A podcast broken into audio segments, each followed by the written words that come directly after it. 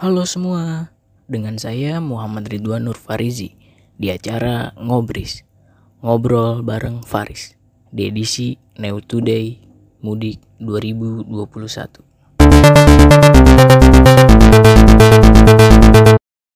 Kita ke informasinya, larangan mudik di Terminal Induk Kota Bekasi sepi.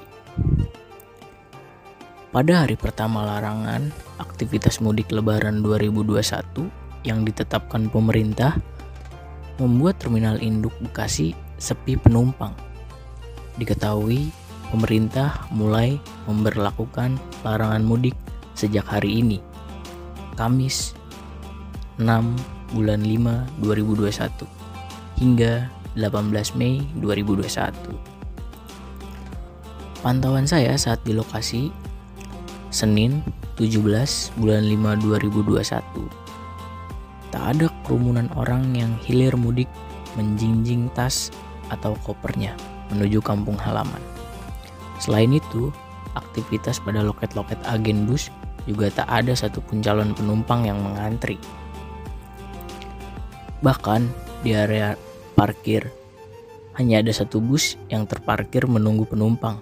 Akan tetapi, bus tersebut tak melayani pemberangkatan jarak jauh, melainkan hanya tujuan Bogor saja.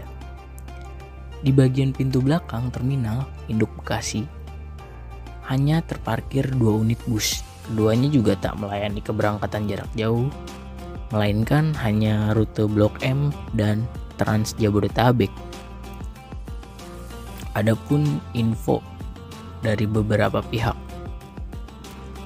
seperti Pesannya yang mengutip penumpang harus mengantongi surat keterangan dari RT atau RW, kelurahan, kecamatan, hingga kepala daerah bahwa yang benar-benar memerlukan keperluan yang mendesak, misalnya untuk mengunjungi anggota keluarga yang meninggal di kampung halaman atau di luar Jabodetabek.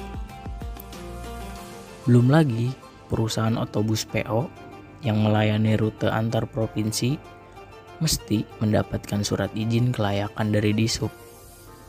Armada bus akan distempel stiker khusus beroperasi selama PSBB di luar Jabodetabek.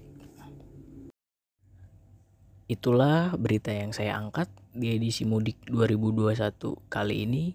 Terima kasih sudah menonton atau mendengar sampai akhir. Saya Muhammad Ridwan Nur Farizi, pamit. Terima kasih.